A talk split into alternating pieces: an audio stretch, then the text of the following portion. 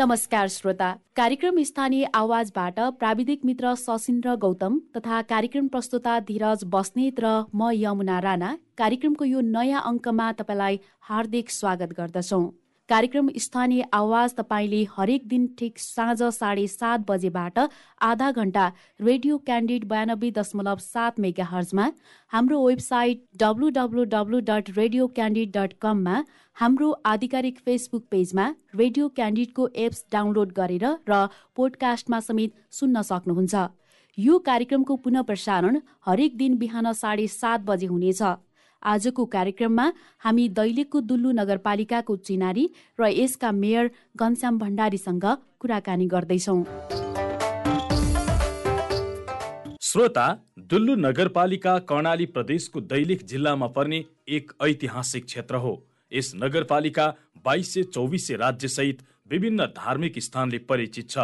बाइसे र चौबिसे राज्यकालमा दुल्लु राज्यको राजधानीका रूपमा चर्चित थियो।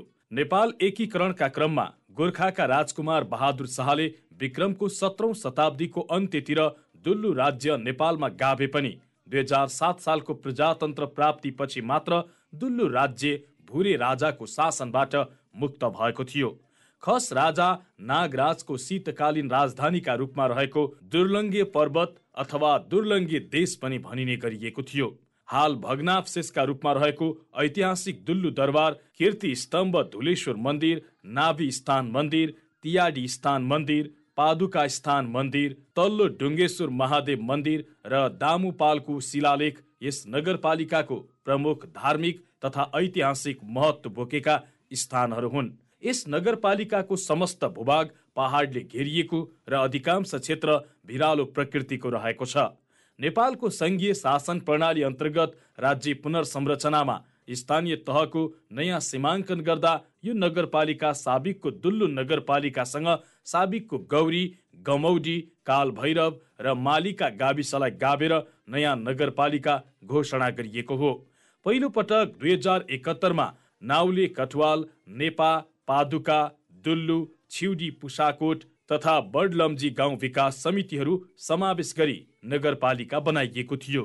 आर्थिक वर्ष दुई हजार अडसठी उनासत्तरीको बजेट मार्फत मुलुकमा एकचालिस नयाँ नगरपालिका थपिँदा दुल्लु पनि नगरपालिका बनेको भए पनि कार्यान्वयन भने दुई हजार एकहत्तरदेखि भएको हो। यस नगरपालिकाको सिमानामा पूर्वमा नारायण नगरपालिका र डुङ्गेश्वर गाउँपालिका पश्चिममा चामुण्डा बिन्द्रासैनी नगरपालिका र कर्णाली नदी उत्तरमा भैरवी गाउँपालिका र चामुण्डा बिन्द्रासैनी नगरपालिका र दक्षिणमा डुङ्गेश्वर र गुनास गाउँपालिका रहेको छ। यस नगरपालिकाको कुल क्षेत्रफल एक सय छप्पन्न दशमलव सात सात वर्ग किलोमिटर रहेको छ। राष्ट्रिय जनगणना दुई हजार अडसठी अनुसार यहाँ आठ हजार एक सय चौसठी घरधुरी र एकचालिस हजार पाँच सय चालिस जनसङ्ख्या रहेको तथ्याङ्क छ। यतिखेर हामीसँग कुराकानीका लागि यसै ऐतिहासिक तथा धार्मिक महत्व बोकेको दुल्लु नगरपालिकाका मेयर घनश्याम भण्डारी जोडिनु भएको छ।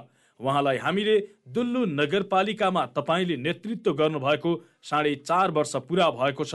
यो अवधिमा नगरपालिकाले पाएको सबैभन्दा महत्वपूर्ण उपलब्धि के हो भनेर सोधेका छौँ। केलाई उपलब्धि भन्नुहुन्छ? पहिलो कुरा त उपलब्धि केलाई मान्ने भन्ने कुरा हो। हामी भौतिक उपलब्धि मान्ने कि शैक्षिक उपलब्धि मान्ने कि नागरिकले पाएको सेवा सुविधाको सन्तुष्टि उपलब्धि मान्ने कि पूर्वाधार निर्माणलाई उपलब्धि मान्ने कि उपलब्धि मान्ने धेरै सूचकहरू छन् जसमध्ये पहिलो कुरा हामी निर्वाचित हुनुभन्दा अगाडि कार्यालय तरकारी सङ्कलन केन्द्रमा थियो नगरपालिकाको र एकीकृत रूपमा सबै वडाहरूले सेवा एकै ठाउँ आएर पाउनुपर्ने कन्टेन्ट थियो। करिब करिब बिस किलोमिटर पच्चिस किलोमिटर हिँडेर आएर मान्छे सेवा लिनुपर्ने अवस्था थियो भने अहिले हामीले जब निर्वाचन जित्यौँ हामी निर्वाचित भइसकेपछि तेह्रैवटा वडा कार्यालयका भवनहरू आफ्नै वडामा बने आफ्नै भवनबाट सेवा सार्वजनिक सेवा र बस्ती निकाय संरचना भएको छ भने नगरपालिकाको बिल्डिङ निर्माण कार्य सम्पन्न भएको छ।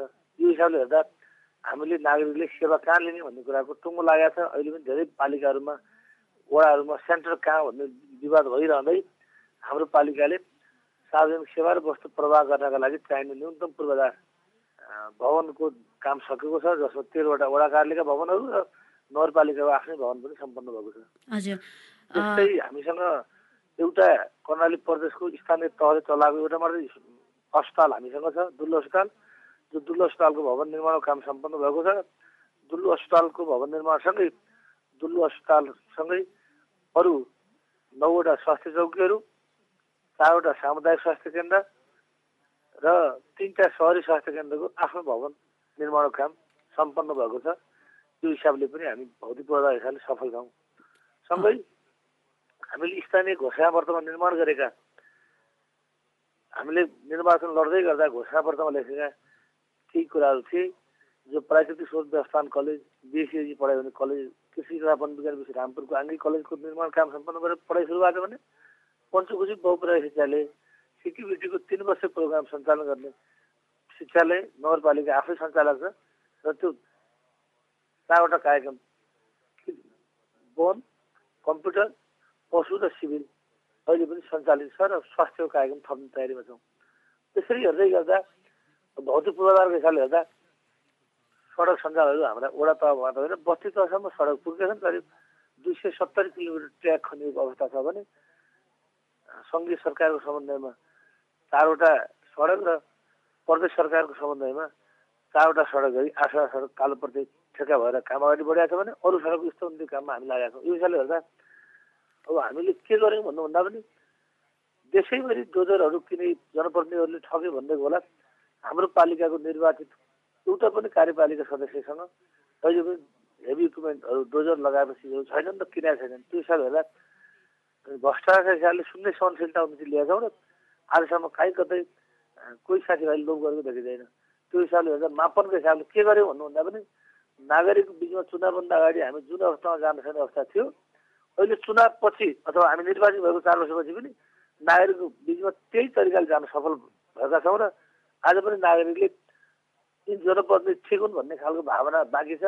त्यो नै सबैभन्दा ठुलो सम्पत्ति हो। र अर्को हामीले हरेक वर्ष भन्ने सम्पत्ति विवरणमा हामीले बुझाउने सम्पत्ति विवरणमा जनप्रतिनिधिहरूको सम्पत्ति बढिया छैन घटिया छ किनकि ऋण थपिएको छ। त्यो हिसाबले हेर्दा पनि हामी सफल छौँ भन्ने लागेको छ। जस्तो यहाँले सडकको पनि कुरा गरि नै हाल्नुभयो होइन।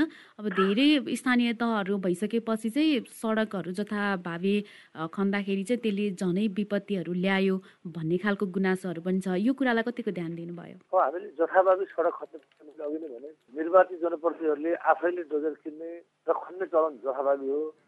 हामीसँग नगरपालिकाको सडक योजना पनि छ एमटिएमपी छ। त्यो एमटिएमपीको आधारमा सडक स्तोन्ती काम गरेका छौँ। तर नयाँ सडक खन्ने कुरालाई प्राथमिकता दिएका छैनौँ। भएको पुरानो सडकको स्तोन्तीमा लागेका छौँ र चारवटा कर्णाली हाइवे मध्य पहाडी लोकमार्ग तल्लो डुङ्गेश्वर दिल्लु बेहुली सडक र माथिल्लो डुङ्गेश्वर यो बेहुली सडक चारवटा नेपाल सरकार राष्ट्रिय हाइवे नै नेपाल सरकारकै सङ्घीय सरकारका सडकहरू राष्ट्रिय राजमार्ग भावनाले तिनकै स्तोन्तीमा अलिक धेरै समय लागेको छ। त्यसमा अलिक धेरै त्यसले नै नगरपालिकाको सबै छुने भएको हुनाले हामी नयाँ सडकको पक्षमा छैनौँ र नयाँ सडक धेरै खनेको अवस्था छैन हाम्रो पालिकामा। तर त्यही विकट बस्तीहरू जहाँ कर्णाली हाइवेदेखि दुल्लुसम्म जोड्ने बाटा जो दुईवटा दुईवटा बाटा हो ती बाटा भने अहिले यो अहिले पनि खनिरहेको छ किनकि आवश्यकताको आधारमा नभए जथाभावी बाटो खन्नुहुन्न भन्ने कुरा सत्य छ र हामीले डोजरको अनधिकृत प्रयोग गरेर काम गर्ने भन्दा पनि भएको सडक सञ्जाललाई मर्म सम्भार गर्ने त्यसलाई स्तुति गर्नेतिर हाम्रो ध्यान गएको छ। जस्तो विकास निर्माणको कामहरू गर्दाखेरि होस् अथवा कुनै पनि कार्यक्रमहरू गर्दाखेरि चाहिँ राजनैतिक व्यक्तित्व राजनैतिक आस्था र पहुँचको आधारमा चाहिँ कामहरू गरिन्छ भन्ने खालको धेरै ठाउँहरूमा चाहिँ गुनासो हुन्छ।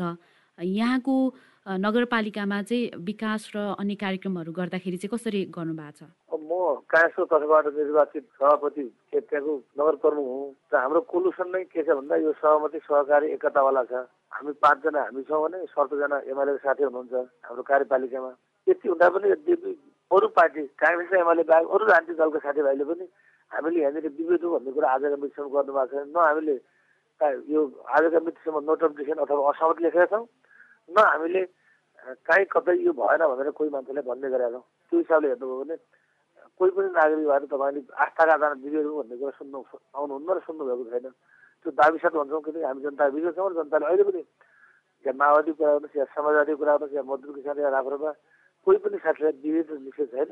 यो साझा जुन दिन हामी निर्वाचन भएर शपथ खायौँ शपथ खाएको जुनदेखि साझा भावनाले हामी साझा व्यवहार गरिरहेका छौँ र त्यो अनुभूति नागरिकले गर्नुभएको छ। जस्तो अलिकति फरक प्रसङ्ग दुल्लु नगरपालिकाको चाहिँ आम्दानीको स्रोत चाहिँ के हो? अब यो कर्णाली प्रदेशको जनसङ्ख्या र भूगोलको हिसाबले दोस्रो नगरपालिका हो। हाम्रो आम्दानीको सम्भावना खोज्दैछौँ अहिले पनि आन्तरिक आय वृद्धि गर्ने कार्ययोजना तय गरेका छौँ तर हामीसँग आम्दानीको स्रोत छैन। स्थानीय सरकारको सबैभन्दा ठुलो स्रोत भनेको भूमिकर हो। हामीले मालपुर हो। दुल्लु नगरपालिकामा अस्सी पर्सेन्ट जग्गा अहिले पनि गुठीमा भयो भने हामीले त्यो राजस्व नउठेर देवस्व भनेर गुठी संस्थामा जान्छ। तर त्यो हिसाबले हेर्दा हामीसँग अहिले आएको स्रोत एकदम कम छ।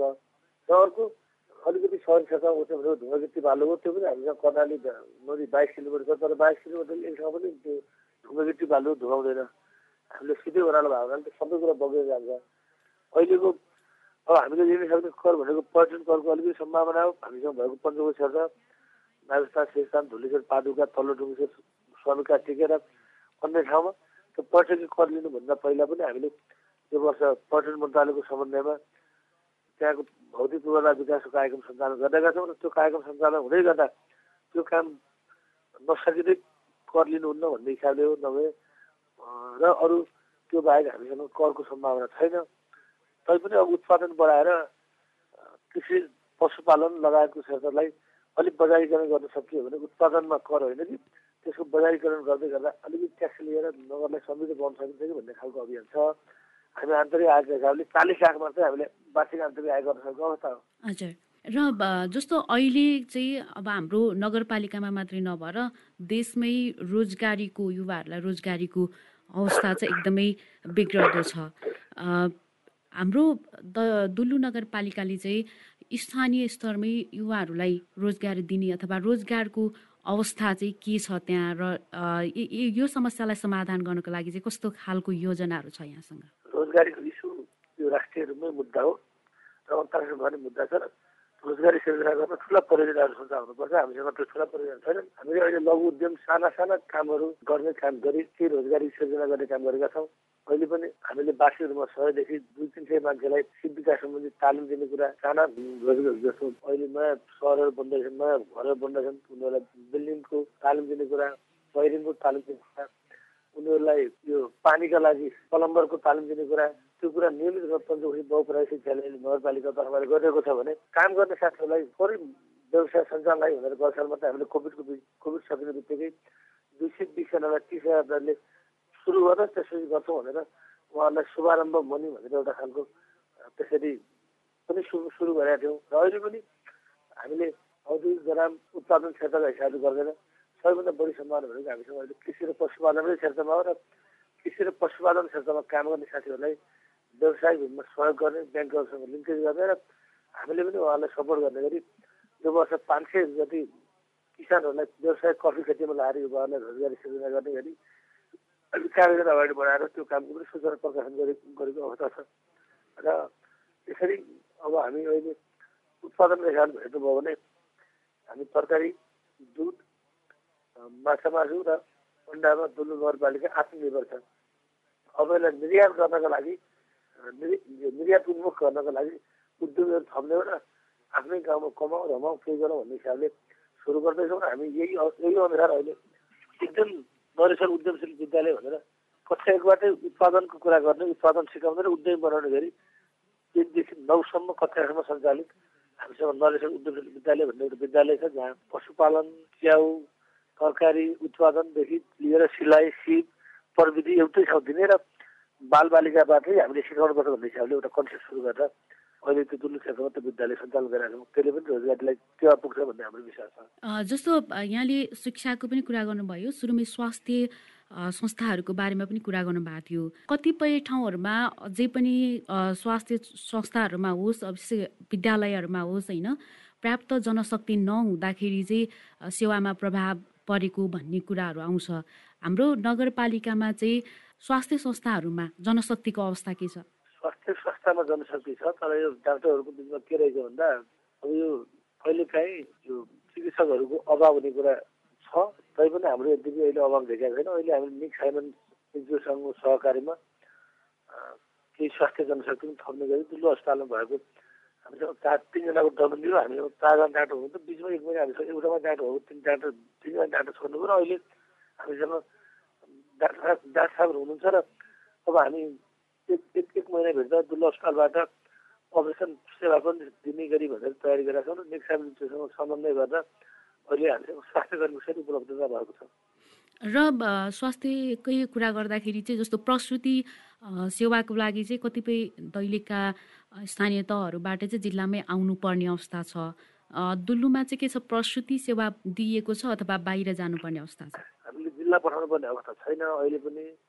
मैले हामीले अहिले भनेको कि हामी यो अहिले जिल्ला नै पठाउनु पर्ने अवस्था छैन हामीले दुल्लु अस्पताललाई नै अपरेसन थिएटर गरेर ओटी नै सुरु गर्ने गरी हामी तयारीमा लागेका छौँ। अबको एकदेखि डेढ महिनाभित्र हामीले त्यहाँ अपरेसन नै त्यही हुन्छ भन्ने छ। धर्म संस्कृतिको कुरा गर्दाखेरि चाहिँ दुल्लु नगरपालिकामा चाहिँ तपाईँले नेतृत्व गर्नुभएको स्थानीय तह चाहिँ धर्म संस्कृतिले चाहिँ कतिको धनी छ? हाम्रो ऐतिहासिक सांस्कृतिक नगरी पनि हो त्यो कर्णाली सिजा र जला सभ्यताको रूपमा दुल्लु क्षेत्र छ जहाँ अहिले पनि तिर धार्मिक भनौँ हिन्दू बौद्ध जैनको मूर्तिहरू पनि पादुका मन्दिरमा पाइन्छ भने यस्तै अन्य शिलहरू पनि हामीसँग छन् र त्यही नै संरक्षण गर्ने भनेर हामीले दुल्लु नगरपालिकाले दुल्लु सांस्कृतिक सङ्ग्रहालयको स्थापना गरेको छ जहाँ विशेष गरेर खस जातिसँग सम्बन्धित हाम्रो धर्म संस्कृति परम्पराको कुराहरू त्यहाँ समाहित भएका छन् त्यसै राखिएको छ भने हामीले हाम्रो संस्कृति हाम्रो परम्परा भनेर स्थानीय पाठ्यक्रम नै निर्माण गरेका छौँ र त्यो स्थानीय पाठ्यक्रम कार्यान्वयनका लागि दुलु नगरपालिका विद्यालयहरूमा त्यो पाठ्यक्रम कार्यान्वयन भएको छ